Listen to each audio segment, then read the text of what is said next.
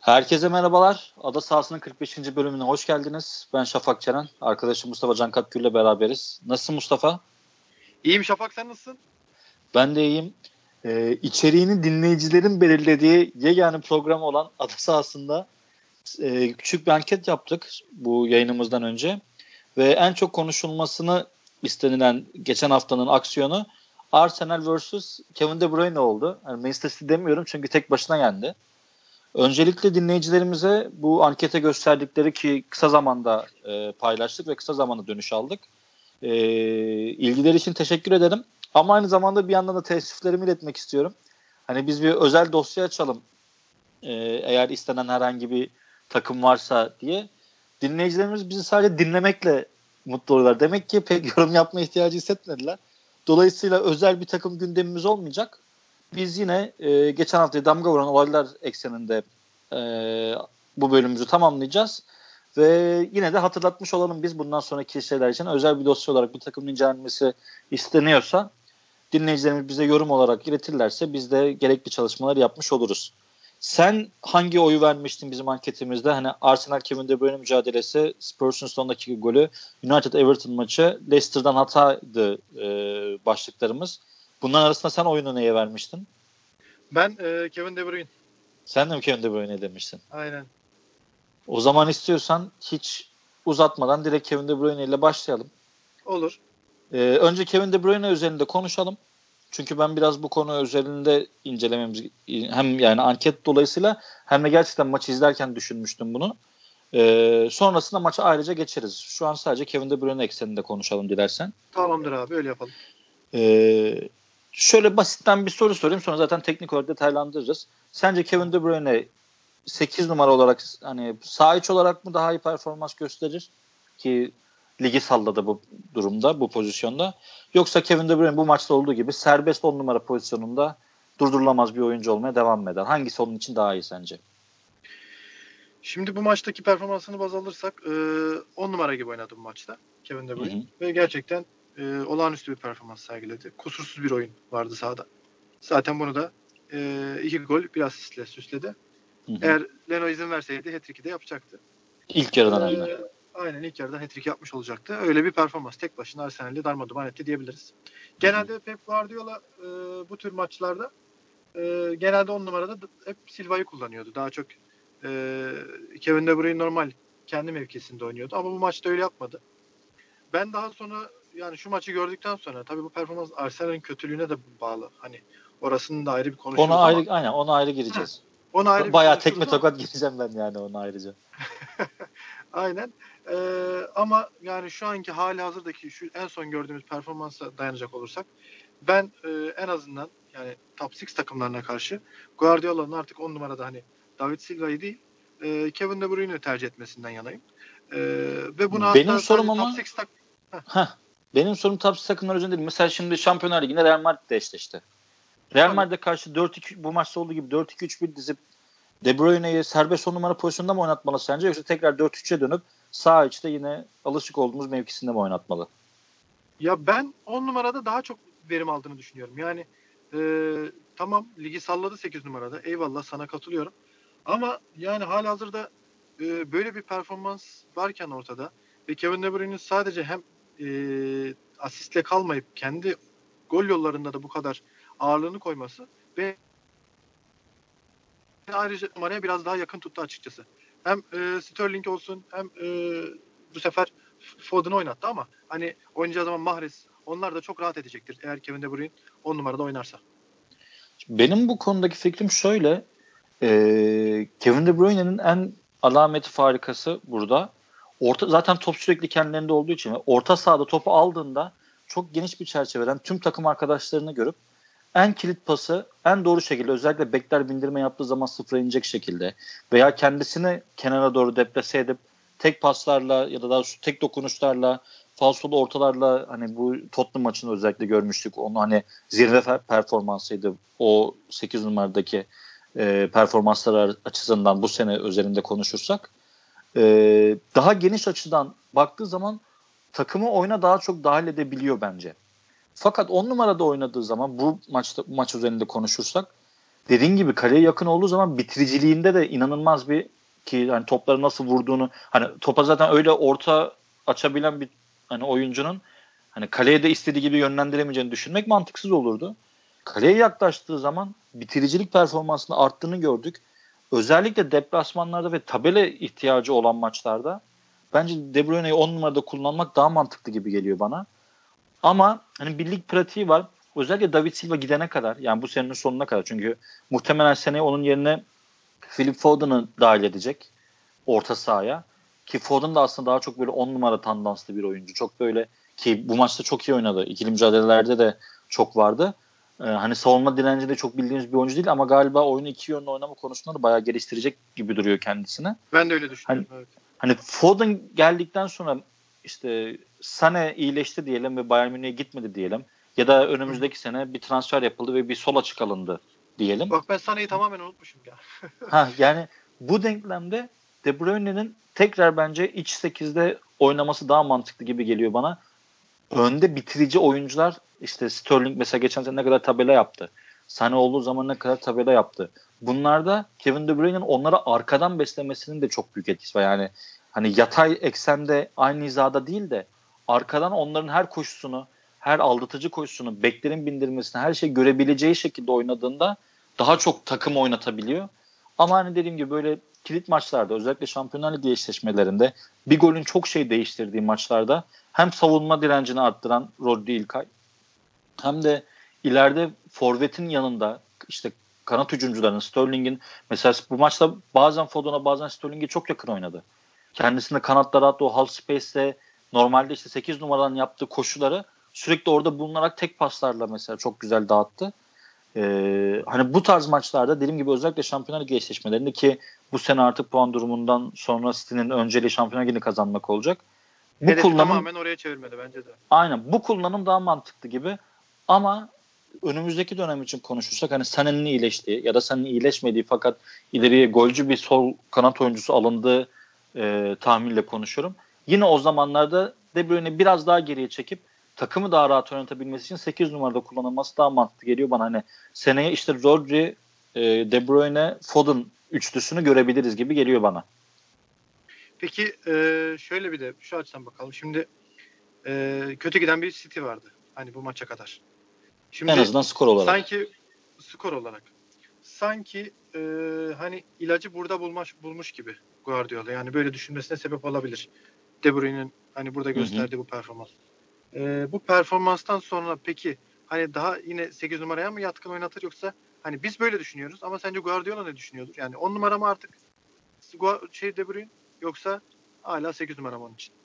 Ya ben bir maçlık performansla buna direkt artık sezon bundan sonrasında sürekli 10 numara oynayacak ve David Silva yedek kalacak diye düşünmüyorum açıkçası. Ya bir de Arsenal ee, maçı aslında çok anla, baz alınacak bir maçta değil değil mi? He. Ama yani dediğim gibi Şampiyonlar Ligi maçları için bence çok makul ve düşünülebilir bir diziliş bu. Fakat hani bu ligin devam eden sürecinde ki dediğim gibi hani mesela Foden'ı bu maçta sol kanat gibi oynattı ki Foden hani Mesut Özil'in Arsenal'de sol kanatta oynadığı gibi sürekli 10 numaraya doğru kendisini attı haklı olarak.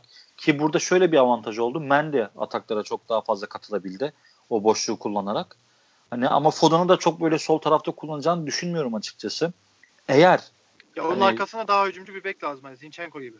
Hani ha, yani şöyle eğer e, Sterling hani, hani Sterling'in harikalar yarattığı sezonu sağ kanatta oynadı. Hep sağ açıkta oynadı. Bu sene biraz mecburiyetten sol tarafta oynuyor işte Sane olmadığı için.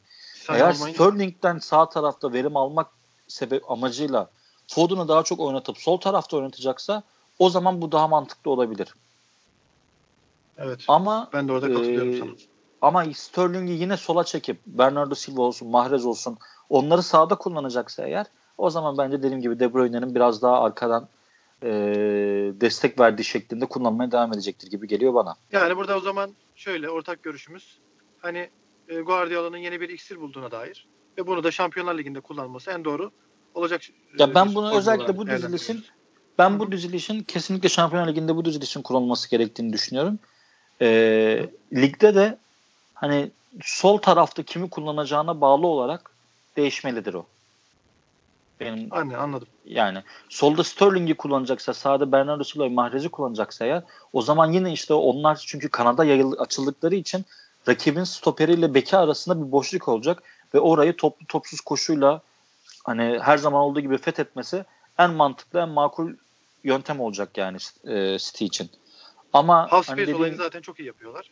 He, aynen işte oraya oraya dediğim- toplu topsuz girişi çok Mantıklı. yap. Ama mesela Foden mesela çok on numaraya doğru yaklaştığı için rakibin mesela sağ bekiyle sağ stoperi arasında herhangi bir Açılma- o Ha, aynen yani. fazla. Dolayısıyla o zaman işte onun şöyle oradaki oradaki kaybı bekin bindirme alanı bulmasıyla e, tolere edebiliyorsun. Ama işte hani o dediğimiz o half space olayını City'nin çok hükmettiği alanlar oralar. Hep dediğimiz o çi- çizgiye inip golü bulmayı zaten oradan yapıyorlar sürekli. Hani kanat bindirmelerine top ya topu koşturuyorlar oradan. Yani pas kanalıyla orayı kullanıyorlar. Ya da oyuncu topla oraya giriyor. Ee, dolayısıyla hani Foden'lı sistemde kanatlardan bir tanesi çek, çok isteyemeyeceği için hani de- dediğim gibi yani o sol önde kimi kullanacağı ve maçın e, nasıl bir hani ikili maçtan bir tanesi mi Şampiyonlar Ligi gibi veya da işte iç sahada herhangi bir takımla mı oynuyor City ona göre değişecektir bu hani bir plan buldu ve bundan sonra hep bununla oynayacaktır değil bence Guardiola. Fakat en azından Şampiyonlar da Ligi eşleşmeleri zaten. Çok için Bu taraflarda bez olmayan bir hoca zaten. Çok bu, bu bir şeye bağlı kalmayı da Ha, çok aynen kendi bulduğu sistemle sonuna kadar gitmek istiyor. Bunu Bayern Münih de, bunu yaptı. Barcelona da bunu Ama yaptı. Da oyuncuları bunu sürekli yaptı. farklı rollerde kullanmayı da seviyor. Aynen. Hani e, dediğim gibi en azından Şampiyonlar Ligi maçları için kafasında bir alternatif plan oluşmuş oldu bence. Ki alternatif Bence de. plan değil bence ana plan olması lazım bu dizilişin. İstersen buradan biraz maça geçelim. Olur. Ee, yani Arsenal istiyorsan City, yani City perspektifinden bakalım önce. Sonra Arsenal'e ayrı bir pencere açalım. Abi maçta City adına çok konuşulacak pek bir şey yok aslında ama yani olur geçelim. Tamam. Yani şöyle City hiç yorulmadan bence. Hiç mesela Arsenal bir gol kaçırdı lan bu nasıl kaçar dediğim bir pozisyon var mı? Yani zaten kaleye toplamda isabet şutu bir tane abi. Aynen. Arsenal'in kendi sahasında e, çektiği isabet şut sayısı bir. Abi şöyle ben sen isabetsizlerle beraber söyleyeyim. Toplam 6 şut çekebilmiş. Kendi sahasında Premier Lig'de şu ana kadarki en düşük sayısı bu. 2008 Aralık'tan itibaren. Onun da zamanında Liverpool'a karşı oynamış. Yani 90 dakikada dağ taşa vurdukların da dahil toplam 6 şut çekebilmişsin. Yani şu an e, Arsenal Emery gittikten sonra Emery dönemden daha kötü. Ki bu da bir başarı aslında bunu yapabilmek. Evet. Yani Ben City'den başlayalım dedim ama sen Arsenal'i bilen misin? O zaman kötü. An, başlayalım. ya City'de, City zaten hani konuşacak bence tek konu Kevin De Bruyne'di. Onu da e, zaten güzel bir şekilde değerlendirdiğimizi düşünüyorum. Onun dışında City zaten 15. dakikada maçı 2-0'a getirdi abi. E, Aynen. Aynen. Maç ilk yarıyı da 3-0 önde kapattı. İkinci yarı çok e, Antrenman keyifsiz- yaptılar. Antrenman. gezdirdiler. Aynen gerçekten. Hani maçtan sonra ter antrenmanı yaparsın ya onu ilk yarıda maçı bitirip ikinci yarı ter antrenmanı da yaptı. City Hı hı. maçı bitirdi. City bu kadar konuşup Arsenal'e Tamam. geçip işte e, hani dediğim gibi Emery döneminden daha kötü bir durumdalar. Yani Ben sana ilk 11'i söyleyeyim. Arsenal'in. City karşısına çıktığı ilk 11'i. Leno kalede. Savunmada Sokratis. Maitland-Niles sağ bekte. Callum Chambers sağ stoper. Kolasinac ki sakatlandı çıktı o daha sonrasında. Sol bek.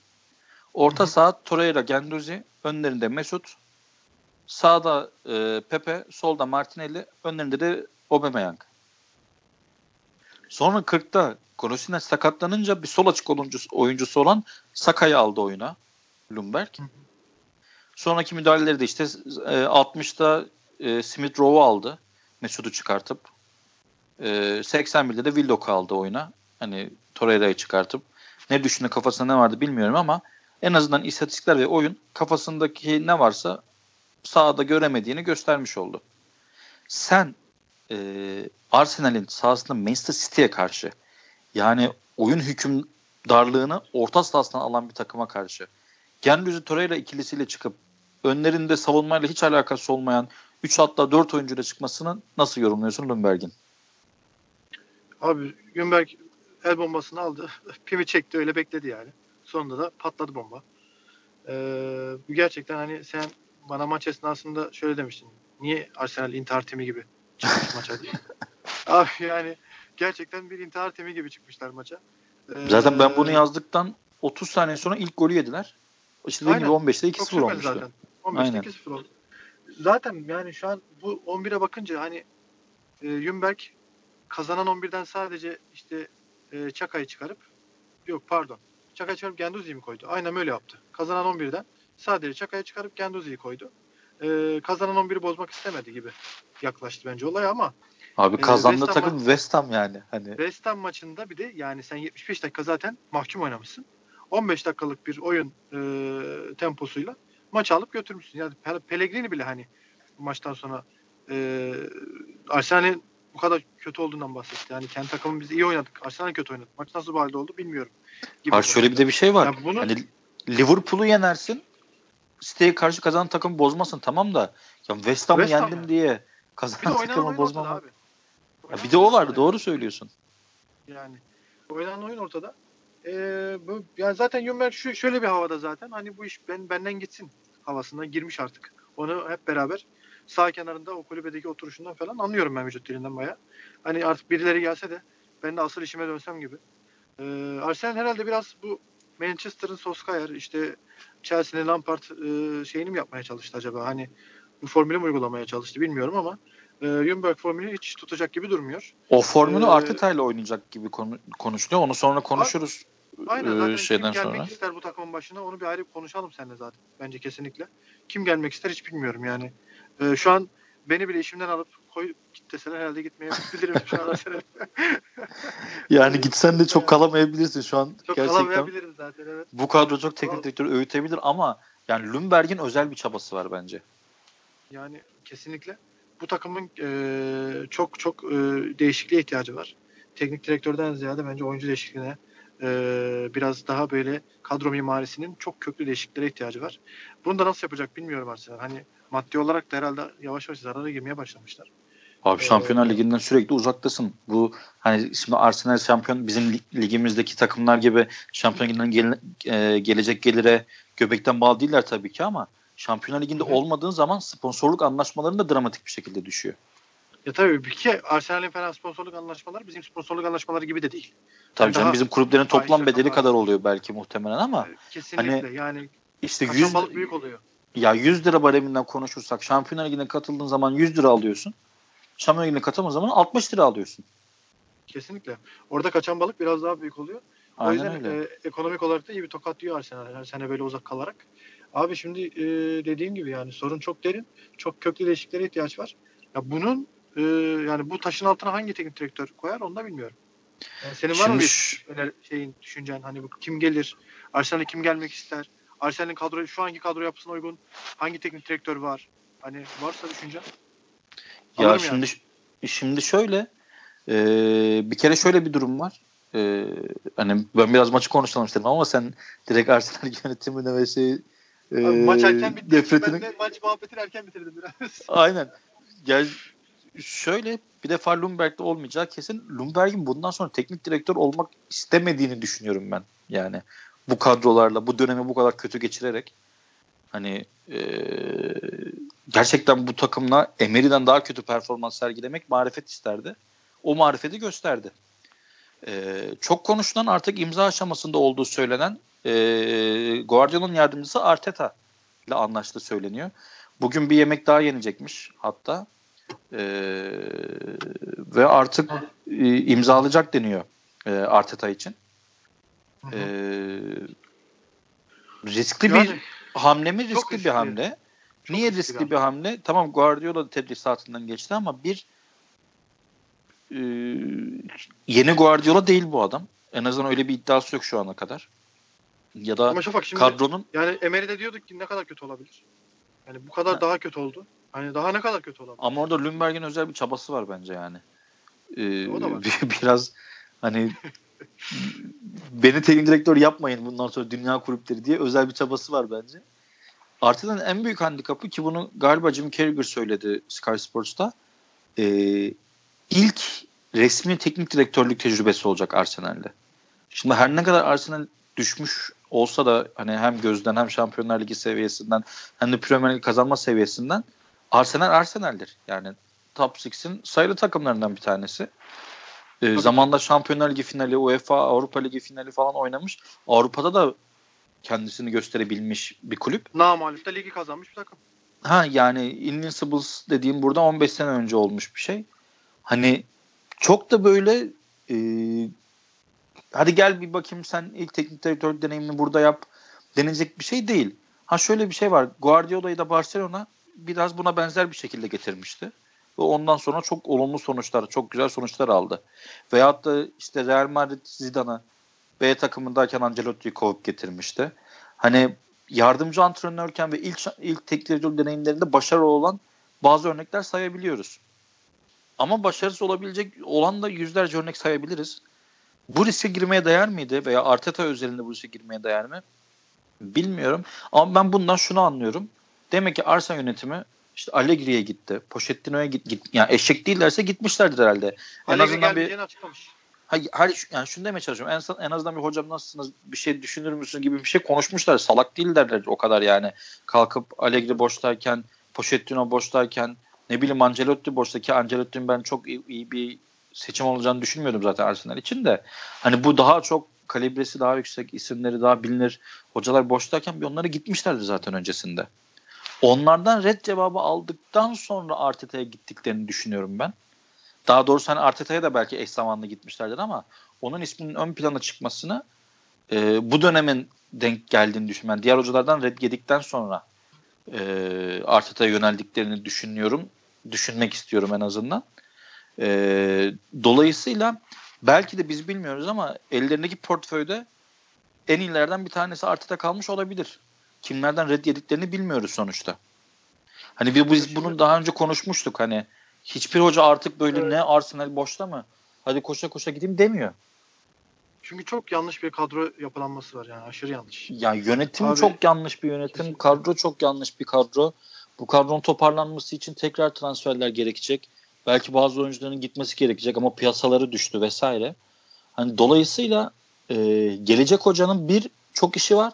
İki bu işi yapabilmesi için arkasında duracak bir yönetime ihtiyacı var. Ve Arsenal yönetimi de çok böyle makul kararlar alabilen bir yönetim olmadığını defalarca gösterdi. Defalarca gördük aynen. Aynen. Yalnız Arsenal de heyecan verici bir takım olmaya başladı ya. Her maçtan önce acaba nasıl absürt bir şey yaparlar diye ben heyecanlanmaya başladım artık. Yani, yani bu denli bir heyecan veriyor ya. Bu, bu şekilde heyecan vermeye başladı. Onunla Lundberg'in de biraz etkisi var. Yani işte, aynen. bence. Ee, dolayısıyla hani ne yaparlar ne ederler bilmiyorum ama dediğim gibi günün sonunda ellerindeki teknik direktör port- portföyünde en iyi kalmış isim de Arteta kalmış olabilir. Valla bu ateş hattından yani çıkarsa Arteta gerçekten büyük tebriği hak etmiş olur. Ee, eğer kabul ederse tabii Arsenal teknik direktörlüğünü. Etti gibi ee, duruyor şu anda. Vallahi, yani Guardiola subliminali verdi çoğu sefer. Hani daha erken çok iyi başarılı bir hoca olacak biliyorum ama biraz daha kalsa daha iyi olur. En azından senin sonuna kadar gibi bir iki böyle açıklaması vardı. Ee, ama sanki Arteta hazırlı fırsat ayağına gelmişken yani kim istemez ilk teknik direktör deneyiminin Arsenal olmasına? Aynen abi. Ya ama adamın eline şimdi yani öyle bir hasta verdiler ki yani bu hastayı ameliyattan çıkacak ya masada kalacak. Ee, Valla e, çok işi çok zor. E, çok köklü bir değişikliğe ihtiyacı var Arsenal'e. Bakalım yani e, hiç kolay değil. Aynen. Arsenal kısmını kapatalım yavaştan. Kapatmadan önce ben bir iki istatistik çalışmıştım. Sen kullanmama izin vermedin ama ben yine de kapatmadan kullanacağım bu maçla ilgili. Hayır, ilki, ilki aynen o kadar emek ettim boşa gitmesin. İlki e, Arsenal'ın kendi sahasında ilk yarıda 3 gol yedi. Bahsetmiştik. Hatta 4'ü bile yiyebilirdi. Lennon'un o harika kurtarışı olmasaydı De Bruyne'nin şutunda. Ee, daha önce bunun geçen sene Mart'ta Mart 2018'de yaşamışlar bu durumu. İlk yarıdan 3 gol yeme durumunu. Rakip kimmiş biliyor musun? E işte Huddersfield değildir. Yok yine City. Ha. Yani tarih bir nevi tekrar etmiş oluyor bu durumda. Ee, ikinci durumda şu belki hani dinleyicilerimiz de görmüş duymuştur. İlk yarıda Aubameyang topla 8 defa dokundu. Bunun 3'ü başlama vuruşu yenilen gollerden sonra. Yani dolayısıyla Allah. başlama vuruşu haricinde ben topa... dedim sana vermeyelim istatistik diye. Bak, bak, başlama vuruşu haricinde ben topa 5 kez dokundu ve bunun hiçbir ceza sahası içerisinde hatta neredeyse çevresinde değil. Çok Dolayısıyla gerçekten. ya gerçekten hani maçın ne kadar tek yönlü hatta yönsüz oynandığını Kevin De Bruyne yani, antrenman maçı gibi sanki 10 numarada deneme maçı gerçekten. gibiydi. Ve hani bu maçtan City elini kolunu sallaya sallaya çıkmaya başardı. Aynen öyle. Buradan dilersen Liverpool'a geçelim. Ya da sırayı sen belirleyebilirsin. Konuşmak istediğin başka bir takım varsa hiç, fark, hiç fark etmez abi. Hiç fark etmez. Hiç fark etmez. Sen ağzından ee, Liverpool çıktı. Liverpool'a devam edelim. Aynen. Liverpool'a şöyle geçmek istiyorum. Bu sezonun en kötü Liverpool'uydu bence. Özellikle ilk 30-35 dakika. Ama skor tablosu handikaplı bir iddia severlerin deyimiyle. Gol yemeden maçı bitirdiler. Ki gol yemeden maçı bitirmelerinde hani Watford'lu oyuncuların çok büyük emeği vardı bence. Ne İnanılmaz. diyorsun? Liverpool nasıl buldun? Ya Liverpool'un bu sene hani tanımı bence bir şekilde hani kazanmayı bilen takım diye bu seneyi bu şekilde geçiriyorlar abi. Ee, hiç sonuncuyla birincinin yaptığı gibi bir maç değildi. Hı hı. Watford'un 9 puanı vardı başlamadan önce. Galiba Liverpool'un da 47 puan veya 46 puanı vardı diye hatırlıyorum. Hı hı. Evet 46 puanı vardı. Yani ama hiç o aradaki e, makas kadar öyle bir ya birinci ile sonuncu maçı gibi değil. Doğru söylüyorsun. Yok. Değildi abi. Hiç öyle bir maç olmadı. Ee, özellikle Watford ilk 30-35 dakika baya baya Liverpool'u kıstırdı yani. Özellikle kaçan iki tane gol pozisyonu var ki akıllara zarar yani. Çok uğraştı Watford'dan atmak için. Ya zaten, zaten hani... Söyle abi. Dönüşünde gol yediler yani. O pozisyon dönüşü Hı. gitti iki pasla e, gol oldu. Yani ondan sonra da zaten Liverpool'da golü bulduktan sonra yavaş yavaş kontrol eline geçmeye başladı. Maçı istediği hale getirdi. Yani bunu biraz Watford istedi açıkçası. Ee, farklı olarak Şakir ve Milner bir 11'deydi Liverpool'da. Hı hı. Ee, Şakir biraz daha Mecburiyet, oynadı. Milner, mecburiyetten, mecburiyetten Milner'ın da oynaması. Aynen. Robertson yerine. Bu maç e, mesela Liverpool adına söyleyebileceğim Arnold çok ilk defa bu kadar ben savunmacı bek olarak gördüm. Bu da telefonun sayesinde. Bayağı kıstırdı onu oraya. E, çok çıkart, çıkmasına izin vermedi. Arnold ilk defa bu kadar şey gördüm. E, kıstırılmış olarak pasif gördüm. Bence onda yani, Şakir ile oynamasının da etkisi var. Salah'la oynamak ayrı, Şakir ile oynamak ayrı. Çünkü bu maçta Telefonun e, hakkını verelim ama ben çok beğendim. Evet, evet e, tabii Delafeu zaten yani şu an küme düşse ki düştüğü gibi Watford artık bu saatten sonra kapı, kapışılacak yani bence bir oyuncu. Premier Lig'de asist sayılarıyla oyunuyla olsun kendisini defalarca ispatladı. E, bu maç üzerinde e, Firmino ile Salah'ın önlü arkalı kullanılmasını nasıl buldun? Firmino, çünkü Salah genelde santrafor pozisyonundaydı. 9 numara pozisyonunda Salah oynadı. 10 numara pozisyonunda gibiydi Firmino. Kanatlarda Mane ile Şakir'i değiştiler. Bu dizilişi nasıl buldun? Sence bu e, Salah'ın artan performansına ve attığı iki golde bunun da etkisi var mı? Kesinlikle var. Şimdi şöyle abi e, ben Firmino'nun servisçiliğini daha çok beğeniyorum bitiriciliğinden. Onu bir kere söyle, söylemek isterim yani.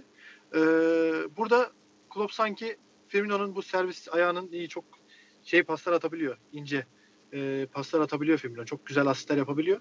Firmino'nun sanki bu özelliğinden daha çok yararlanmak isteyip de Salah'ın da bitiriciliğinden faydalanmak istemiş gibiydi. Bu planda sanki tuttu gibi. Yani e, Salah'ın da performansını etki bence. Yani herhalde biraz şey gibi düşün. O, hani Origi'yi oynatıp onu işte e, ileriye atmaktansa daha böyle dar alanda iş yapabilecek. Hı hı. Çünkü Watford'un kapanacağını Aynen. düşündü.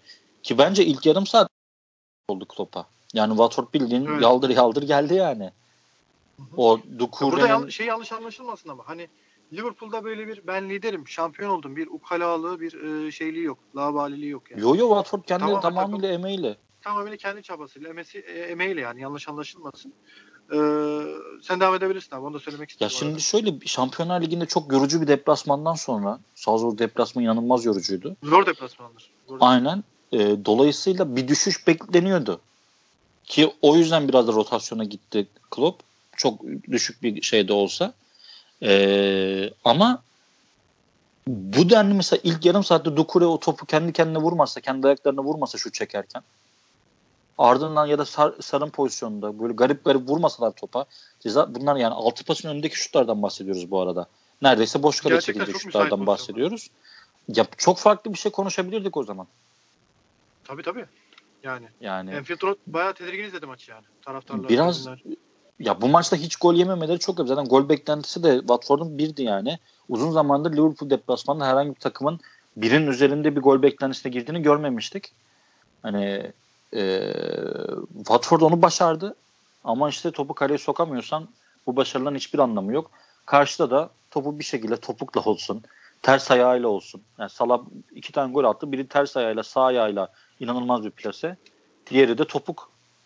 Yani e, evet. e, işte yetenekli ayaklar, topu kaleye sokabilen ayaklar her zaman en değerli ayaklar oluyor. Orada da farklarını koydular ve galibiyeti aldılar. Yani artık şampiyonluk yarışı ki işte Leicester konuşacağız birazdan. Onun da beraber berabere kalmasıyla hani çok da böyle bir şampiyonluk Yalnız yarışına acaba ne olur diye konuşmamıza gerek yok diye düşünüyorum ben. Yani bilmiyorum Liverpool penceresine ona bakmak lazım mı ama e, yani 10 puanla ama Liverpool hiç öyle değil. Liverpool gayet sağlam gidiyor yani. Hiç o havada değiller. Hani ya, işlerini bu sefer çok sıkı alıyorlar galiba. Ya işte şöyle 17. hafta en yakın rakibiyle 10 puan fark var. City'yle 14 puan fark var. Eyvah eyvah. Yani şimdi bu hani biz geçen hafta e, yayınımızda şey konuşmuştuk. Leicester'a şimdi gelece, ge, geleceğiz. Hani Leicester nasıl olsa Norwich'i kazanır. Bir final maçı olur mu vesaire gibilerinden. Daha Leicester maçına çıkmadan zaten aynen biz nazar değdirmeden önce zaten çift taneleri çıkartıp puan farkını. Yani gerçekten aynen. buradan şampiyonluk verilirse bunun belgeseli de yapılır, dizisi de yapılır, filmi de yapılır. Her şey yapılır yani. Öyle Vallahi bir şeyin çok, olacağını çok zannetmiyorum. Yani psiko, psikiyatrilerin, psikologların e, işleri bayağı artar öyle bir şey olursa. Aynen. Özellikle, özellikle Liverpool taraftarında çok giden olacak. Of. Aman aman. Aynen. Bu arada hafta içi Klopp'un sözleşmesi uzatıldı 2024'e. Çok güzel ve çok doğru bir karar. Bununla paralel olarak da e, bence Rangers'da Gerrard'ın sözleşmesini uzattı. O da orada çok başarılı gidiyor. O da 2024. Hep konuşulan şey zaten eğer e, bir gün Klopp şeye ayrılırsa Liverpool'dan Gerrard ondan sonra teknik direktör olacak diye. Gerrard muhakkak Liverpool'a dönecek abi. Zamanını bilmiyorum ama kesin olacak bir şey bence bu. Ya işte Klopp ne zaman giderse sonraki teknik direktör Gerrard olacak gibi duruyor. O da orada çok başarılı işler yapıyor. Liverpool'u kapatmadan önce Guardiola'nın bir açıklamasını soracağım sana. Tabii. Guardiola şöyle bir açıklama yaptı. Biraz şey gibi yani Manchester City'nin kendi başarısının kurbanı olduğunu söyleyecek şekilde. Dedi ki Liverpool'un bu seviyeye çıkmasına biz yardım ettik dedi. Bizim seviyemize ulaşabilmek için top seviyede oyuncular aldılar ve sonunda işte geldikleri seviye bu. De, yani bir yandan överken bir yandan da bence hala bir kinaye var. Çünkü biz bunu daha önce de konuşmuştuk Klopp'un etkisini. Top seviyede oyuncular almadılar aslında. Aldıkları oyuncuyu top seviyeye çıkarttı bence. Yani Mane geldiği Ki mesela, zaman bu Salah mesela o Salah, yani Salah Roma'dan geldiği zaman Mane kimse kullanamadı yani. Aynen Mane geldiği zaman bu takıma Salah geldiği zaman Firmino geldiği zaman şu anki olduğu oyuncular mıydı? Değillerdi. Şey konusunda haklı tabii ki Klopp, Guardiola. E, tabii ki adamlar 97 puanla ikinci olduklarında 100 puanı 100 işte mümkün olan tüm puan zorlamaları gerektiğini artık anladılar ve o mantıkla çıktılar bu seneye. Ki öyle de dolu düzgün gidiyorlar yani şu anda. Sadece bir beraberlikleri var 17 maçta. Saçmalık derecesinde bir seviye. Ee, fakat şey. yani Guardiola'nın hala bunu geçen hafta da konuşmuştuk. Başka bir açıklamasında da işte biz United, Liverpool, Zartut seviyesinde değiliz. Biz işte oyuncularımız o kalibrede değil diye e, bir açıklaması vardı. E, orada sen oyuncularına bir mesaj verdiğini söylemiştin. Fakat burada hala Liverpool'un bu seviyesinde hani bizim sayemiz ya bizim sayemizde demiyor tabii de yani bizim yüzümüzden bu kadar iyiler. Biz onları bu kadar iyi olmaya mecbur bıraktık. İşte bizim seviyemize çıkabilmek için de işte harika oyuncular aldılar. Açıklamasını nasıl buluyorsun? Sence Liverpool'un bu seviyede olmasının sebebi harika oyuncular e, alması mı? Yoksa işte kimsenin yüzüne bakmadığı e, e, Andrew Robertson'a Hull City'den ne bileyim altyapıdan Trent'i işte dediğimiz gibi Roma'da çok daha önce Chelsea'de tutunamayan veyahut da normal bir kanat oyuncusu yetenekli ve yetenekli ama hani böyle birinci sınıf demediğin Mane gibi bir kanat oyuncusunu bu hale getiren Klopp'un etkisi mi? Kesinlikle abi ikinci dediğin. Bence tartışmaya kapalı. Yani Hussi'den aldığın oyuncuyu eğer hani top oyuncu olarak bakıyorsan e, veya sağ aldığın oyuncuyu top oyuncu olarak bakıyorsan abi çok işimiz var. Ki, ki zamanda hani Agüero'lar, Kevin De Bruyne'leri almış bir takımdan bahsediyoruz. Ee, hani bu bence bu açıklamaların nedeni artık şampiyonluğun kaybedilmiş e, oluşunun e, bir şeye dışa vurum şekli. olarak. Hezeyan halinde. Yani hem övüp hem sövüyor aynı anda Guardiola. İlginç. Kesinlikle abi. Kesinlikle. Hani, Ya, tamam bu burada- takım- yani bir yandan da hakkını vermek istiyor. Çünkü ver, verilmeyecek gibi bir performans Tabii. ortada. Ee, şimdi onu kimse söylüyor. Onu artık yani o o şeyi kapadı Liverpool. O kapıyı kapadı. Başka bir aksi bir düşünceye mal verecek hiçbir şey yok yani.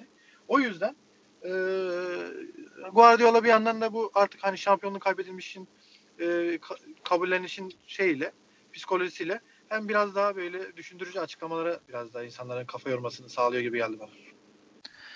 Ee, yani hani şimdi mesela yeni bir transferi var Liverpool'un.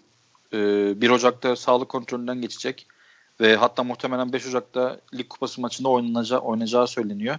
Ee, Salzburglu Takumi Minamino. Sağ kanat 10 numara karışımı hatta bazen iki forvetten biri olarak oynuyor. 7,5 Hı hı. milyon poundluk bir serbest kalma maddesi varmış ve bunu Rota, Avrupa'da bilen olarak değerlendirecek. Avrupa'da bilen tek takım da Liverpool'muş bunu. Belki de hani Şampiyonlar Ligi'de eşleşmelerinin de etkisi var bunda. Belki rakip scout analizi yaparken bunu fark ettiler bilmiyorum. Ve Yüksek çok ucuz bir şekilde çok ucuz bir şekilde kapatacaklar gibi duruyor. Hani e, Şakir'in yanına kanatları yedekleyebilecek çünkü artık Chamberlain'i iyice orta saha oyuncusu olarak kullanmak istiyor ki orada gerçekten Ox çok iyi performans gösteriyor. E, yeni bir oyuncu aldılar ve şimdi mesela Minamino 7,5 milyon poundluk sözleşme bedeli, e, fesih bedeli olan bir oyuncu. Şimdi bundan E bir sene sonra gelişimini de Heh, gelişimini onu söyleyecektim. Yani bir sene sonra mesela 7,5 milyon pound, e, pound'a alabilecek misin Minamino'yu?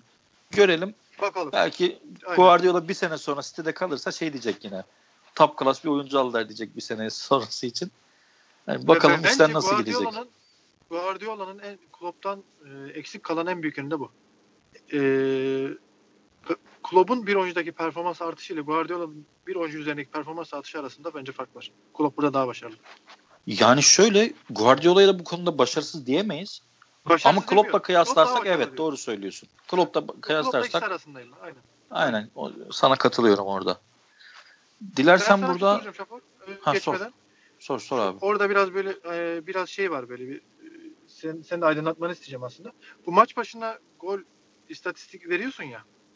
Şimdi Gol beklentisi de mi? hani tam o, gol beklentisi aynen. Aha. Bu maç içinde gelişen e, pozisyon, atak işte o şekilde mi değerlendiriliyor yoksa maç öncesinde yapılan bir tahmin? Hani Yo yo maç e, öncesinde değil. de- Yok maç öncesinde hani değil. maç, Maç içerisinde beklenen beklenen gol beklentisi değil değil mi o mesela? yok hayır hayır öyle bir bek yok hayır öyle bir beklenti değil. Her maç içerisinde bulunan pozisyonların atıyorum her 100 vuruşta kaç defa gol olduğuna bağımlı. Hani işte şu çekerken karşısında stoper var mı, oyuncu var mı, vuruş açısı, Hı hı. işte kaleye mesafesi gibi özelliklerine göre Hı hı. değerlendirilen bir istatistik bu. Ee, Tamam. Aynen yani maç içerisinde gerçekleşen aksiyonlar üzerinden değerlendirilen bir istatistik. Maç öncesi beklenti değil bu. Hı hı. Ya şimdi orada gol beklentisi değil yani maç öncesinde e, aslında öngörülen Yok hani girilen pozisyonlara göre gol ortaya çıkan beklenti. Sen değil, mesela yorumlamalara açık olabilir. O yüzden hani senden tam bir açıklama istedim. Aynen. Teşekkür Ya ederim. mesela Ağzına biz çok net bir pozisyon diyoruz ya mesela. Mesela o gol beklentisi istatistiklerine göre yarım veya çeyrek Dekoreli puan anlamına mesela. gelebiliyor. Ya mesela şöyle bir şey söyleyeyim sana. Bu Arsenal maçında, Arsenal City maçında Arsenal gol beklentisi 0.28. Bu skandal rezalet Çok demek mesela. Çok, çok 90 net anladım, dakikada 90 dakikada hani şey dedik ya ya bu golle kaçar dediğimiz bir pozisyon demiştik ya. Onun aslında istatistiğe dökülmüş hali bu. Dediğimiz gol beklentisi Anladım. e, istatistiği. Takım bu, maçı bu, bu şekilde oynadığı takdirde asla gol atamayacak gibi bir istatistik. Aynen bir, istatistik. bir, bir, bir nevi öyle yani. Bazen yani bu arada Anladım. bitiriciliğe bağlı olarak gol beklentisi istatistiğiyle maçın skoru çok farklı olabiliyor. Hatta ben bazen Tabii. istatistik verirken şey de söyle, söylemiştim. Mesela Liverpool takımının e, puan beklentisini neye göre hesaplıyorlar? Her maç sonunda gol beklentisiyle şeyi kıyaslıyorlar. İşte gerçekleşen gol. Gol yeme beklentisi de var tabii ki rakipten hesaplanan. Ona göre yediği gole göre e, kıyaslanıyor. Mesela şu anda Liverpool'la Leicester puan beklentisinin çok üstünde puanlara sahipler. City de daha düşük puana sahip. Bu ne demek oluyor? Çok pozisyona girmiş. Girdiği kadarını atamamış. Az pozisyon vermiş ama verdiği pozisyondan daha fazla gol yemiş. Anladım abi. Hani çok iyi anladım. Bu, bu tarz yorum yani elinde istatistik var. Sen hangi penceresinden Hı hı. bakarsan ona göre yorumlayabilirsin. O biraz senin keyfine kalmış ben biraz daha aslında dinleyiciler için hani tam kafalarında oturması açısından senden böyle bir açıklama istedim. Bu şeyde biraz ya sen böyle değil benim aklıma Şampiyonlar Ligi'nde bir Celtic Barcelona maçı vardı hatırlar mısın? 2-1 Celtic'in kazandı. Barcelona'nın yüzde 80 mi 90 mı ne topla oynamıştı aynen. Değil mi? O, o, geldi aklıma. Aynen mesela o maçta muhtemelen Celtic'in gol beklentisi 0-30 0-40 falandır. Ama maçı öyle. kazandı yani. Doğru doğru. Tamam. Çok sağ ol ağzına sağlık. Eyvallah. İstiyorsan buradan Leicester'a geçelim. Ağzımızda hani mahvettiğimiz. ya ben gerçekten bu maçı çok kolay geçeceklerini düşünüyordum. Norwich Ama Norwich Hiç. böyle bir takım yani. Değil mi? Ama Norwich çok, çok gözle görülür bir toparlanma var Norwich'te. Bundan bir Kesinlikle. 5-6 hafta önce inanılmaz dağınık haldeydiler. Arsenal bayağı maçı olsun. Aynen Arsenal maçı olsun işte Leicester maçı olsun bu maçlardan puan çıkartmak ki Ars- Arsenal'e yaptıkları maç Bloomberg'in ilk maçıydı. Hani o an nasıl bir reaksiyonla karşılayacaklarını bilemezdin sonuç olarak. Ee, kolay iş değil yani. Norwich lige bir şekilde tutunmaya çalışıyor hala. Norwich demişken gerçekten hani futbol menajeri oynayan illaki dinleyicilerimiz de vardır. Norwich'i öneriyorum. Hem kadrosu bakımından hem genç oyuncu bakımından bayağı e, keyifli oluyor. Hani ilk sezonda transfer yasağı falan da oluyor böyle. Çok keyifli Norwich'te oynaması. Sen Tavsiye menajerde bayağı sardın Norwich'e. Topladım ilk sezonda. Transfersiz. Yani Çok çok güzel bir kadro kadrosu var. Oturduğu zaman çok güzel oynuyorlar gerçekten. Şöyle ben de Sheffield'ciyim ama işte Sheffield'da şöyle bir durum var. Yani belki ben yapamadım bilmiyorum ama FM'de o Sheffield'ın şu an uyguladığı o ilginç işte sol ya da sağ stoperi rakibin ceza sahasına sokma taktiğini ben uygulayamadım en azından. Dolayısıyla şu an Chris Wilder kadar e, verimli kullanamıyorum bunu. Bu Ama- bir durum değil ama ya. Zaten bir özel bir durum bence. A- ama aynen ama keyifli yani yine de yönetmesi. Gel biz Aynen. buradan Leicester'a geçelim. Hiç kaytarmaya çalışma ağzınla. Aynen. Takımı mahvettin. Şampiyonluk yarışından kopardın. Maçı nasıl buldun? Ee, öncelikle onu sorayım. Ya bu- çünkü bu arada şey e, Leicester'da e, geçen hafta konuştuğumuz Iheanacho'yu oyuna dahil etmek için o kullandığı baklava 4-4-2 ile çıktı. Aynen yine Niyachi oyundaydı. Aynen. Sence bu mu kötü gitti? Çünkü biz Leicester överken şöyle demiştik. 4-1-4-1'e artık alışkanlık haline getirdiler ve muhteşem oynuyorlar diye. Iheanacho'nun sanki- son dakika golü ve sonrasındaki performansı ki sadece son dakika gol değil. Sonraki haftadaki maçlarda da hani güzel performans gösterdi. iki gol attı vesaire. Ee, onun mu kurbanı oldular Norwich'e karşı yoksa bunun dizilişle bağlantı alakası yok. Leicester'ın bir şekilde bu maçı kazanması mı lazımdı diyorsun? Ee, sen zaten Norwich'in hakkını verdin e, buraya geçmeden önce. E, Norwich gerçekten de- değerli toplu bir takım olarak çıktı. Aslında beklediğimizden daha iyi bir Norwich gördük. Biraz onun katkısı tabii ki var. Bunun yanı sıra e, bu Iheanacho'ya göre yapılmış bu dizilişte. Gerçekten Iheanacho'ya göre yapılmış. E, Iheanacho kötü oynadığı zaman bu sistemin çok e, bundan önce oynadıkları 4-4-1-1 gibi e, o verimlilikte olmadığını bu maç biraz daha gördük açı- açıkçası.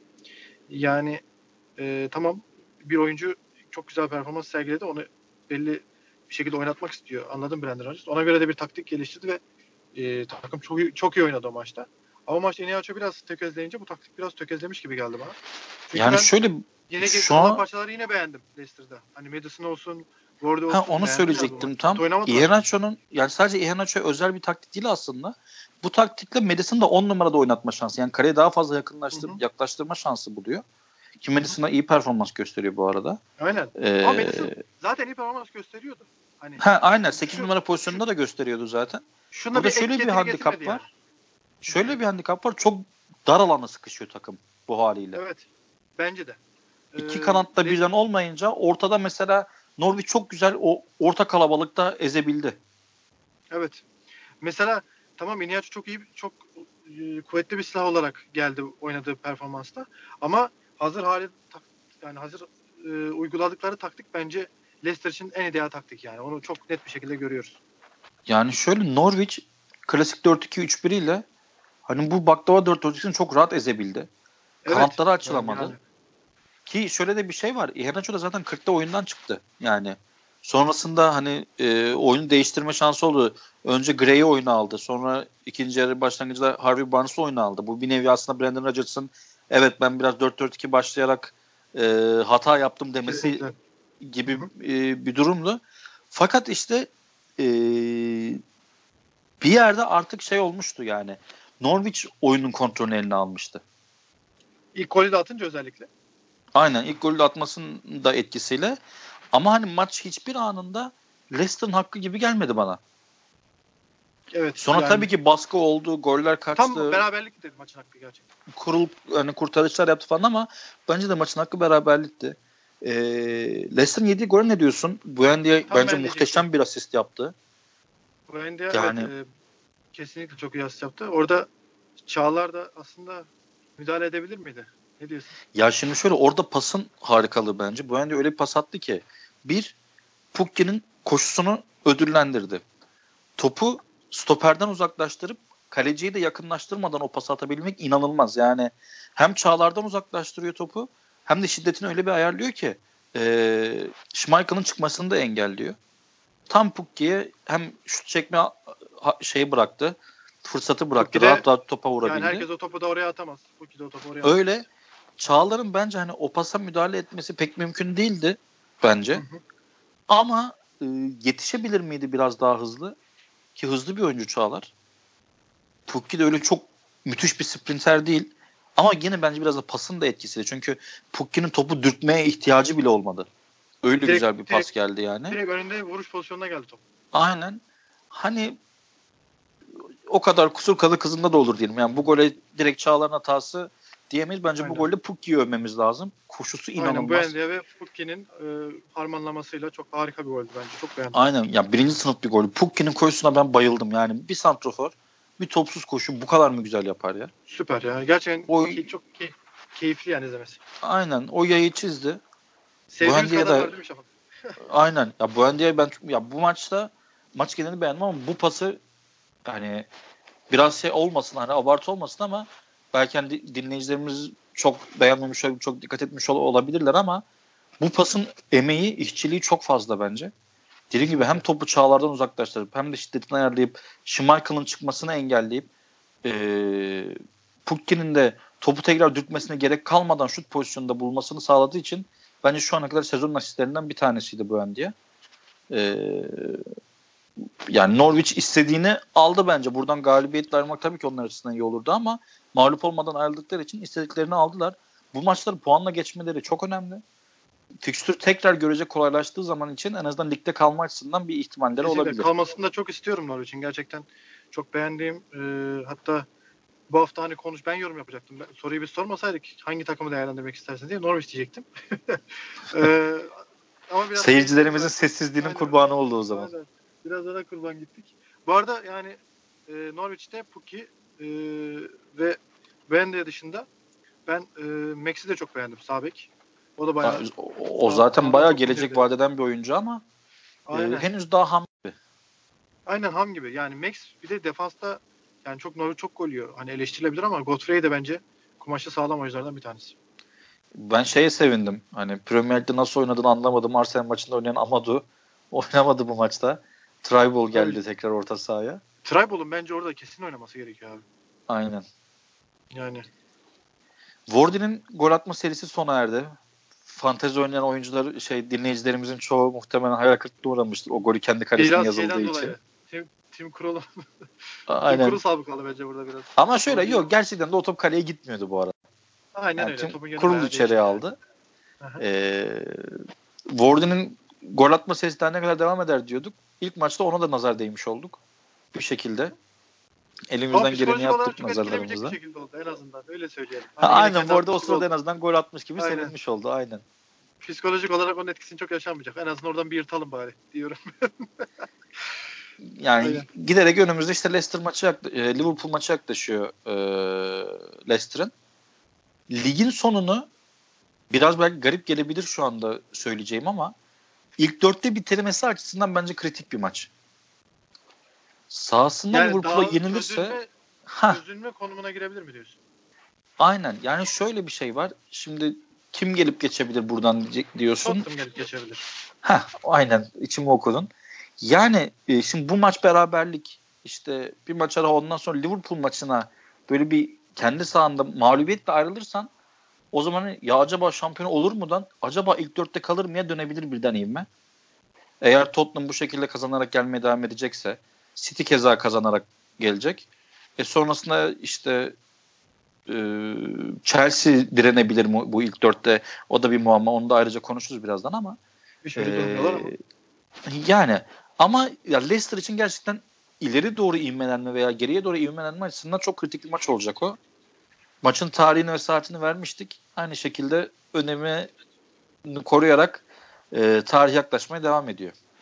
Var mı ekleyeceğim başka bir şey? O maç kritik. Sana katılıyorum. Ee, ya ama yani inşallah hani bir şekilde Liverpool'un enselerinde olurlar. Hani ligin çok erken kopmasını da istemem.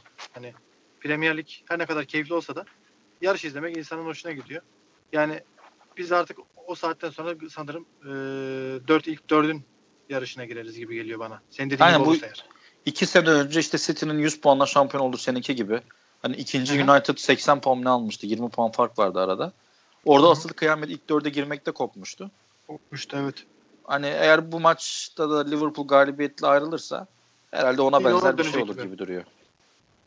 Kesinlikle. Buradan United'a geçelim istersen. Aynen. Ya da Chelsea'ye mi geçelim? Hangisini istersin bilmiyorum. United olsun abi. Chelsea en son konuşuruz. Hiç konuşasın bu Chelsea. tamam. Solskjaer hocan. Senin hocan. Evet. Başla bakayım. Sana, sana orada biraz yükleneceğim ben. Ama niye, önce sen kendini... Niye bana... Bak e, bence çok da yüklenmeye gerektiren bir durum yok ya. Abi şöyle e, Tottenham'ı sağında çok zor durumlara düşürmüşsün. City deplasmanına yenmişsin. Sağında hocasız diyeceğim ben. Şimdi Big Dan'a haksızlık olmasın ama interim hocayla en azından geçici hocayla karşına çıkan Everton var. Adamlar ben çok net çalışmışlar. Topu verdiler United'a. Golleri de buldular ki bence gol in, kesinlikle faul. Yani bu İngiltere'deki var e, olmadı. Olmay olmayacaktı herhalde yani. Abi ben o bu pozisyonu tekrar ben izleyip. Ben giderim abi. İki tane adamla giderim. Biriyle kaleci tutarım. Diğeriyle hava topuna çıkarım. Bir şekilde golü atarım yani. Eğer kalecide bu faal değilse yani, bu pozisyon. Faal abi değilse, kalecinin topu yumruklamak için kaldırdığı kolu vuruyor adam. Bence çok keyif kaçırıcı pozisyondu ya. Yani ben biraz da yani maçın gidişatını tamamıyla etkile, etkileyen bir pozisyondu. Yani e, hiç hiç yakışmadı Premier Lig'e ve o Premier Lig seviyesindeki hakemler hiç yakışmadı bence. Yani bu VAR sistemini yapmasınlar abi o zaman. Yani tamam şeyi anlıyorum ben Premier Lig en azından bazı şey mesela şey de bana abartı geliyor. Ceza sahasında kaleci dokunamazsın. Hadi canım adam dizini dirseğini çıkara çıkara üstüme geliyor. Gel abi çeneme mi kır diyeceğim yani. Refleks Kesinlikle olarak tamam.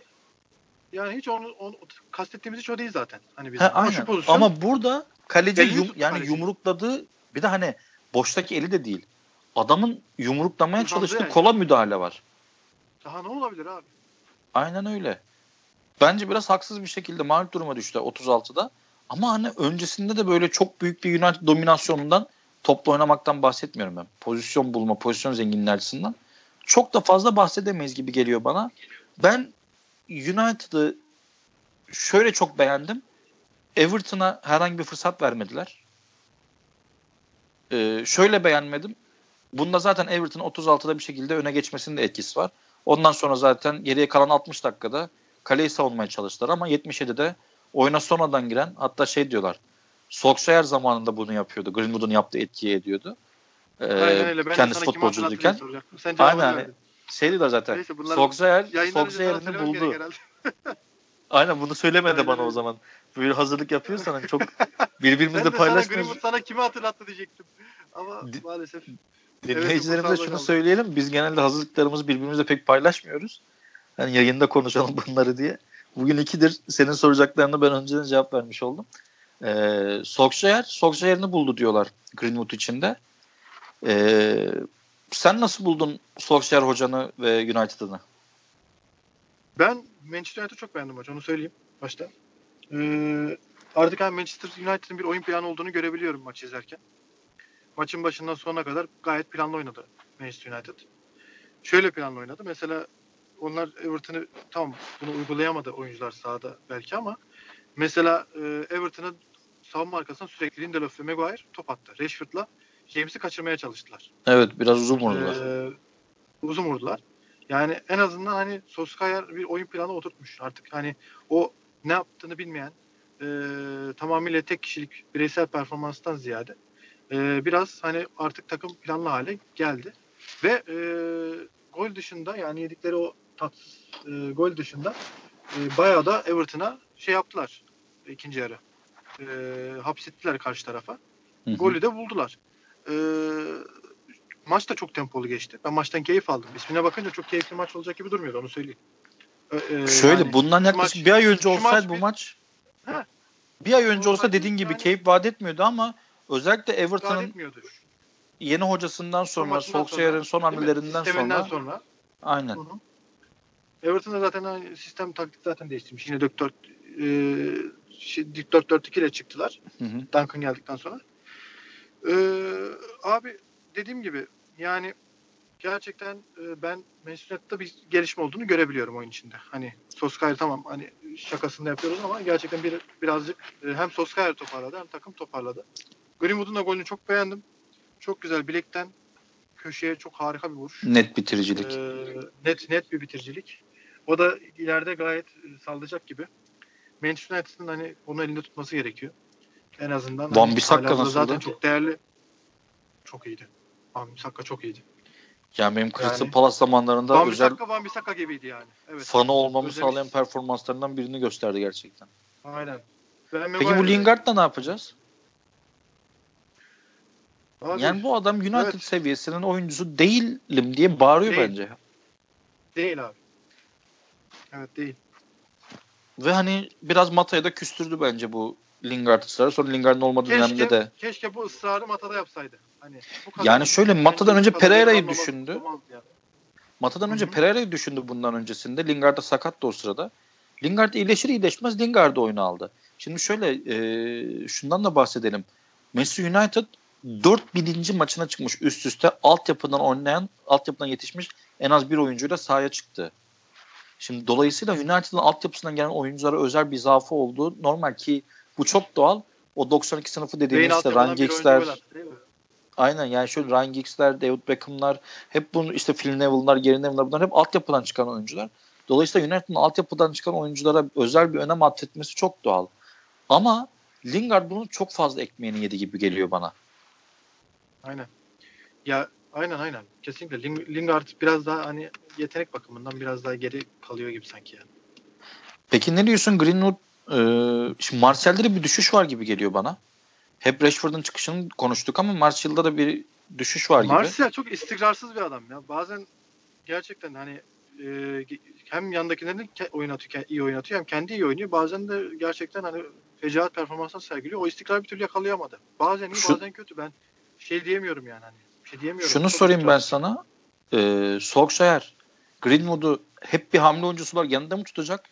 Yoksa işte Iheanacho'da Leicester örneğinde olduğu gibi belki Lingard'ı kesip biraz 4-4-2'ye dönecek şekilde. Çünkü hani Daniel James'le Marcus Rashford'u kesecek hali yok Greenwood'u oynatmak için. 4-4-2'ye dönme ihtimali olur mu yoksa işte Solskjaer kendi Solskjaer'ini buldu ve her zaman için yedekte oynatmaya devam mı eder? Ne diyorsun? O psikolojideyse hiç e, ilk söylediğini düşünmeyelim bile zaten. Kendi Yok ben sana soruyorum. Hani Hayır, kendi- hangisine kendi- daha yakınsın? Eğer öyle düşünüyorsa Solskjaer yani kendi sos, kendi Solskjaer'ini buldu diye düşünüyorsa e, zaten hani direkt ilk plan suya düşüyor. Ama e, ben Iheanacho yapılan gibi ben e, Greenwood'u ödüllendiririm. E, Lingard'ı çekerim 4-4-2'ye dönerim diyorsa e, onu da bir deneyebilir bence. Yani onu da denerse benden bir artı daha alır Solskjaer. Ha senin denemesi lazım yani. Evet denemesi lazım. Anladım. Diyoruz ya Lingard'a çok gerek gerekten daha fazla şans ver diye. Bir de böyle denesin abi. Yok öyle ama hani orta sahada bir zaaf yaşanır mı 4-4-2 ile? Hani sadece Fred'le Old McTominay'a Trafford'da bence deneyebilir. Deplasman Yani. konuşmuyorum. Old Trafford'da denenebilir bence. o zaman iç sahada berabere kalan United'ı konuştuk. İç sahada mağlup olan Chelsea'ye geçelim dilersen. Abi Chelsea'nin sorunu ne sence yani? Sen ne düşünüyorsun? Yani şimdi bu maça bakıp aslında böyle Chelsea şunu yapamadı demek bence. Son 5 hafta biraz haksızlık olur. Ee, ya Chelsea şu an bence yaş ortalamasının şeyini çekiyor. Yani bu kurbanı takımın yani iniş çıkış yaşaması çok doğal. Ama e, inişleri çok net ve sert inişler olmaya başladı. O kötü. Bir de Lampard'ın değişik bir teknik direktörlük anlayışı var. Bunu hani daha önce de söylemiştik. İşte hani gerek cezalar koyması vesaire gibi. Bir de bence basına çok açık. Ee, çok şeffaf. Gereğinden fazla şeffaf. Özellikle böyle genç bir takım için bu çok iyi bir yöntem ol- olmayabilir. Ee, oyuncular bundan da çok net etkileniyorlar. Ben bunu görüyorum. Yani Borneo maçından sonra oyuncularını e, oyuna kişilik koyamadıkları yönünde eleştirdi. Ağır bence. Çok ağır yani. Yani izlemekten keyif aldığım bir performans değil. İşte hani iyi oynadığımız söylenebilir ama oyuna kendi karakterimizi koyamadık gibilerinden bir açıklama yaptı. Ya bu kadar genç bir takıma bu kadar sivri çıkışlar yapmak tamam şimdi muhtemelen Lampard'ın orada çok sorgulanamayan bir otoritesi var. Hem birçok oyuncu zaten derbi olsun hani daha önce çalıştığı takım olsun e, veya öncesinde işte kulüp efsanesi olmasından dolayı hani böyle çok sorgulanmayan bir otoritesi var. E, ama bu ters tepebilir gibi geliyor bana. Mesela bu Özellikle açıklamayı... kadronun da genç olmasından dolayı yani bu kadar böyle sivri çıkışlar yapması ee, sanki biraz böyle hani o ilk baştaki o alev topunu biraz söndürdü gibi değil mi? Yani şöyle bu açıklamayı faal yapmadan mağlup oldukları West Ham maçından sonra yapsa gene daha anlardım. Şimdi bu maçta Bournemouth kalecisi Ramsdale harikalar yarattı yani. Öyle bir gerçek de var. Çok çok güzel performans yani efsane performans. Maçı aldı bence. Kaleci aldı zaten. Ha yani Chelsea gol atacak pozisyonları buldu. Ki zaten Ama, çok iyi yapıyorlar. Aynen. Yani dediğim gibi bunu zaten yapıyorlar. Ama mesela şimdi bu maçta e, 4-3'lü çıktı. Jorgen Kante, Mason Mount orta saha evet. üçlüsüyle. Ama Mount'u iç oyuncusu gibi yerleştirdi mesela. Sol iç oyuncusu gibi yerleştirdi. Sol Biraz, iç gibi kullandı. Heh, aynen. Yani Kante sağ iç, Mount sol iç gibi oynattı. Yani 4-2-3-1'e dönebilirdi bence Mount'u 10 numara pozisyon. Yani biraz daha kaleye yakın halde oynatabilirdi. Ama dediğim Mount mesela... zaten 10 numara pozisyonda daha çok etkili oluyor. Hani böyle sol iç gibi değildi. E tabela daha olarak çok... uzun zamandır Mount sahada yok mesela. Bunun nedeni bu işte. Mesela. Benim gibi fantezide Mount'u çok büyük umutlarla alıp sonra tekrar elden çıkartmak zorunda kalan birçok hayali menajer sıkıntı çekmiştir yani bu Mount'un bu yeni bir kullanımıyla. Tanesi, bir tanesi diğer hatta duruyor mesela ben. Ha, aynen. yani dolayısıyla yani mesela Kovacic oynatmadı bu maç. Bence daha o, o ideal iskeletini oluşturamadı gibi Chelsea. Hem diziliş Ama olarak. şimdiye kadar oluşturması gerekiyordu. Ya şöyle e, bir defa şöyle bir başarı var ellerinde. Günün sonunda 17 maç sonunda bu takım Şampiyonlar Ligi potasında. Çoğumuzun beklemediği bir şey. Lampard'a sorsan Aynen. kendisi de beklemezdi bence. İkincisi de Şampiyonlar Ligi'nde gruptan çıktılar. Bence Kesinlikle. bu maçta biraz onun da rehaveti vardı. Bence Lampard'ın işaret etmeye çalıştığı şey de oydu. Hani oyuna karakteri koyamadıktan kasıt o gibi geliyor bana. Ee, ama bu doğal yani Chelsea açısından. Ki biz bunun işaretlerini uzun zamandır söylüyoruz. 2-3 yayınımızda biz hep Chelsea'nin aslında bir düşüşe geçtiğini söylüyorduk. Ee, sahasında gelen Bournemouth mağlubiyeti bunun artık iyice ete kemiğe bürünen hali oldu. Ki Bournemouth bu maçı işte kazanmadan önce 16 puanı vardı 17. sırada. Evet. Ee, sahasında böyle bir mağlubiyet Chelsea'nin kimse beklemiyordu. Ha dediğimiz gibi oyun olarak mağlubiyeti hak ettiler mi? Hak etmediler. Ee, ki gene gol beklentisi istatistiğine gidersek bu maçta Chelsea'nin gol beklentisi 2. Yani, Bournemouth'un 1.20. Maç 1-0 Bournemouth lehine bitti. Yani. Aynen. Burada da Ramsey'in çok büyük katkısı var. Ee, yani çok, çok net bir izledik bence. Aynen net bir kaleci performansı vardı. Ama Bournemouth'un işte Nathan Ake'de yokken savunmada Chelsea'nin sahasında gol atamaması aynen. Aynen bu şekilde işte Abraham'a yazar. Ne bileyim işte oyuna sonradan giren Odo'ya yazar. Batshuayi'ye yazar. Bir şekilde o topu kaleden içeri sokmaları lazım. Ama böyle yani futbolda böyle günler oluyor. Yani oluyor. Bunu her Aynen. takım yani A'sından B'sine kadar C'sine kadar her takım yaşamıştır böyle maçlar. Chelsea bence çok e, hiç kötü oynamadı. E, çok çok ya şöyle kredi kaybetti. Ha kredi Ama kaybetti. Çok büyük yani, kredi kaybetti çünkü hafta sonu Tottenham deplasmanına gidecek. Şimdi Tottenham'a sen kaybedersen öldü bitti Tottenham 14. sırada dediğimiz Tottenham Mourinho geldikten sonra birden 4. sırada. Yani. Momentumu da arkasına alıyor bu sefer Hah onu söyleyeceğim yani. En azından burada beraber bile, berabere bile kalmış olsan oraya giden dersin ben yenildiğimde bile ilk dörtteyim dersin. Yani, Şimdi sen gittin bir şekilde Hiç kaybedilecek bu, bir 3 puan değildi bu. Aynen öyle yani yenmesi lazımdı kesinlikle kredisini devam ettirebilmesi için. Yenemedin berabere kalman lazım. Yani en az 4 puan farklı gitmen lazımdı oraya. E şimdi 3 puanla gidiyorsun. Avarajın zaten aşağı yukarı aynı. Benzer. Ee, işte Chelsea'nin 25 avarajı var. Tottenham 24 avarajı var. 1-0 bile yense sene Tottenham direkt dördüncülüğe geçiyor. Hem Tottenham bir ivme almış oluyor. 14. dördüncülüğe gelmiş olacak 5 haftada Mourinho'dan sonra. Hem sen ivme kaybetmiş oluyorsun. West Ham'a yenildin. Ee, işte Bournemouth'a da yenildin. Bunun içinde kendi iç sahanda kaybettin. City'ye kaybetmen doğal zaten. Kimse sana niye City'ye deplasmanda kaybettin demedi City'ye demezler. Demez. Ha. Ama sen iç sahada bu kadar puan verirsen yani Sahada evet, bu kadar puan vermemesi gerekiyor. Ya ilk dörtte çözüm, direnemezsin. Kesinlikle. Burada çözüm e, biraz sakin kalmak.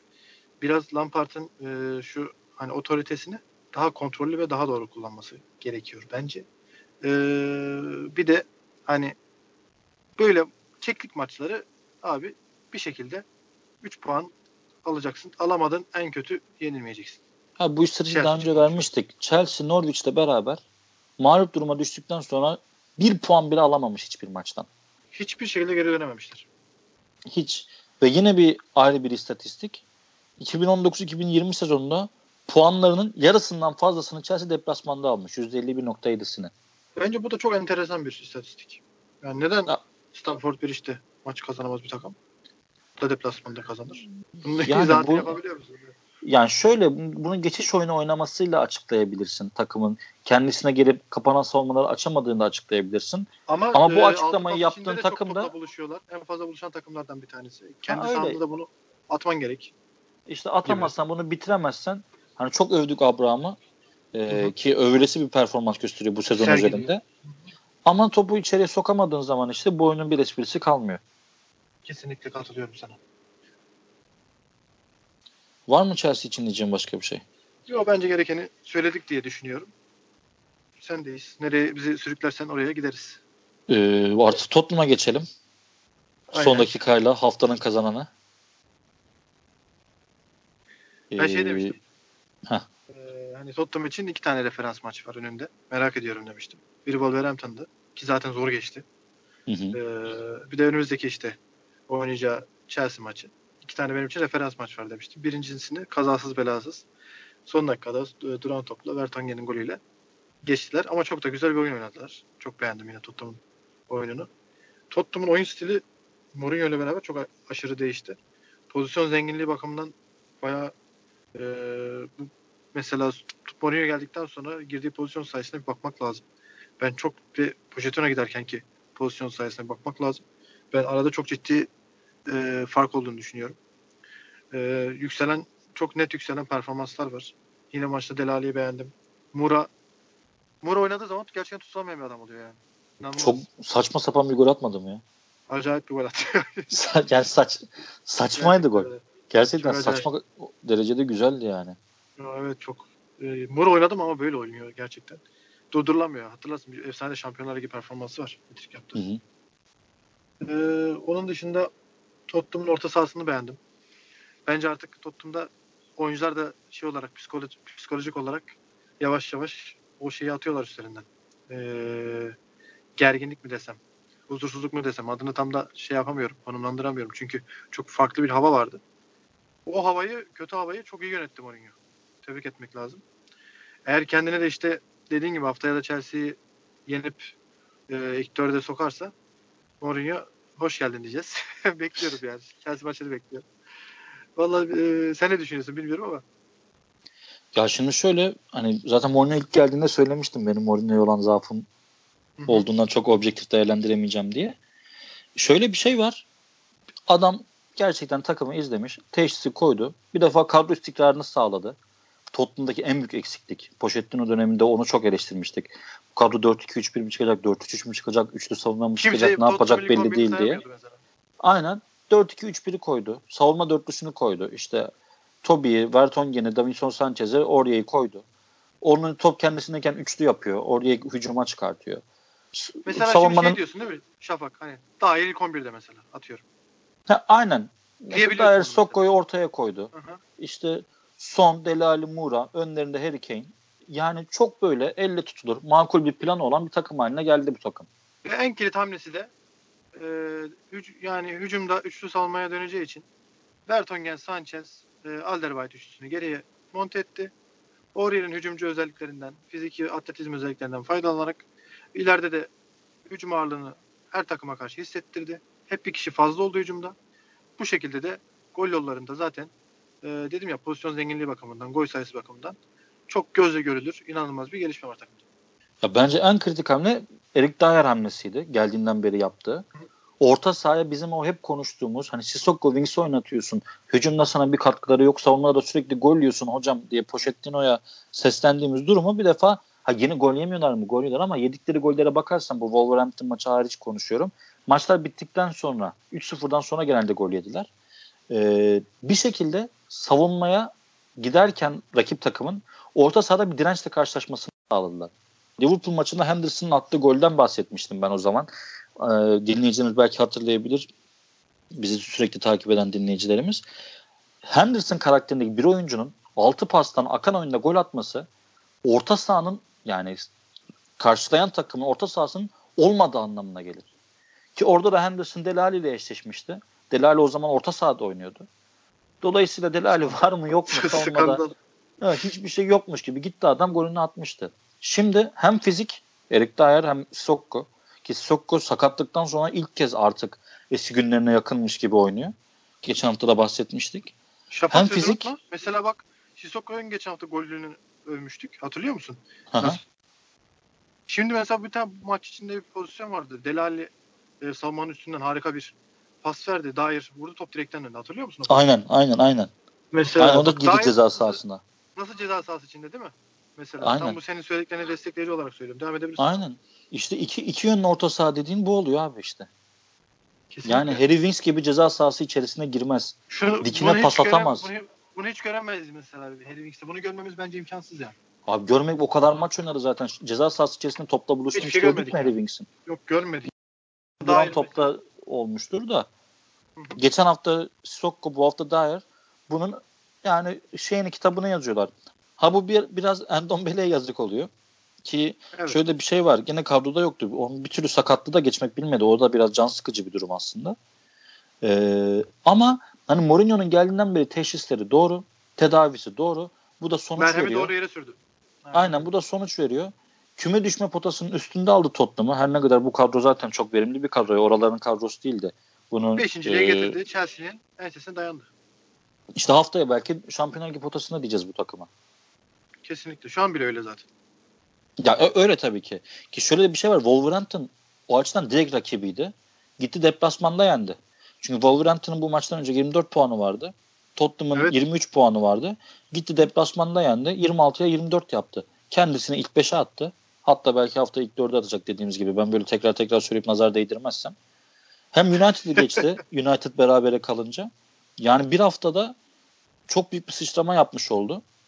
Ki işte Tebrik Crystal Palace berabere kaldı, United berabere kaldı, kendi Wolverhampton'ı yendi, Arsenal gitti yenildi falan filan derken yani haftanın kazananıydı bence Liverpool kadar. Ee, dolayısıyla dediğimiz gibi hatta Liverpool Leicester maçındaki olası sonuca göre Leicester'ın bile dezavantajını oldu Tottenham'ın bu e, yükselişi. Yani e, severek izlemeye devam ediyoruz Mourinho hocamı. Benim Tottenham açısından söyleyeceğim bundan başka e, çok da bir şey, şey yok. ne diyorsun?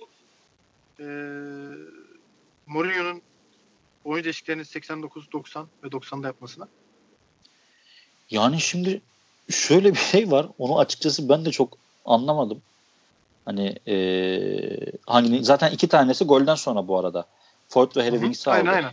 Zaman Onlar, zaman açısından mı? Tamam. Yoksa onlar da değiştirecekti. Ha 89'da Eriksen alması duran top.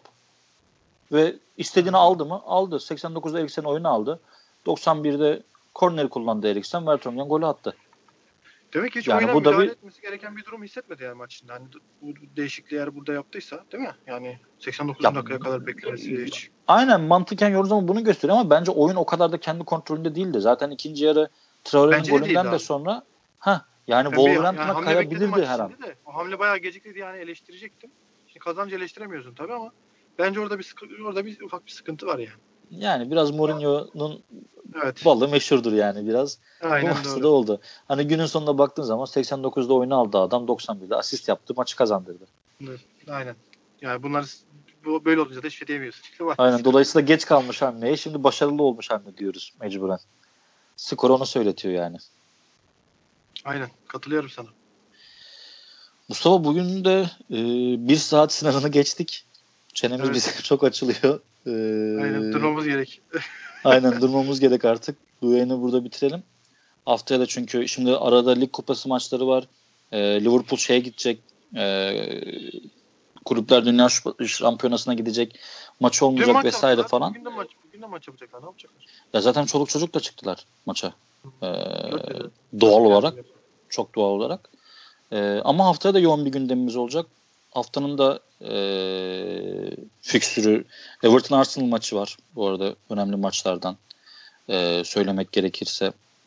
West Ham Liverpool Chelsea- maçı var. Chelsea City Leicester maçı. Chelsea Tottenham maçı. Yani kritik ve önemli maçlar olacak. Haftayı da muhtemelen bir saate geçeceğimiz için bu hafta istiyorsan kapatalım artık. Tamam Ee, biz dinleyicilerimize tekrar hatırlatalım.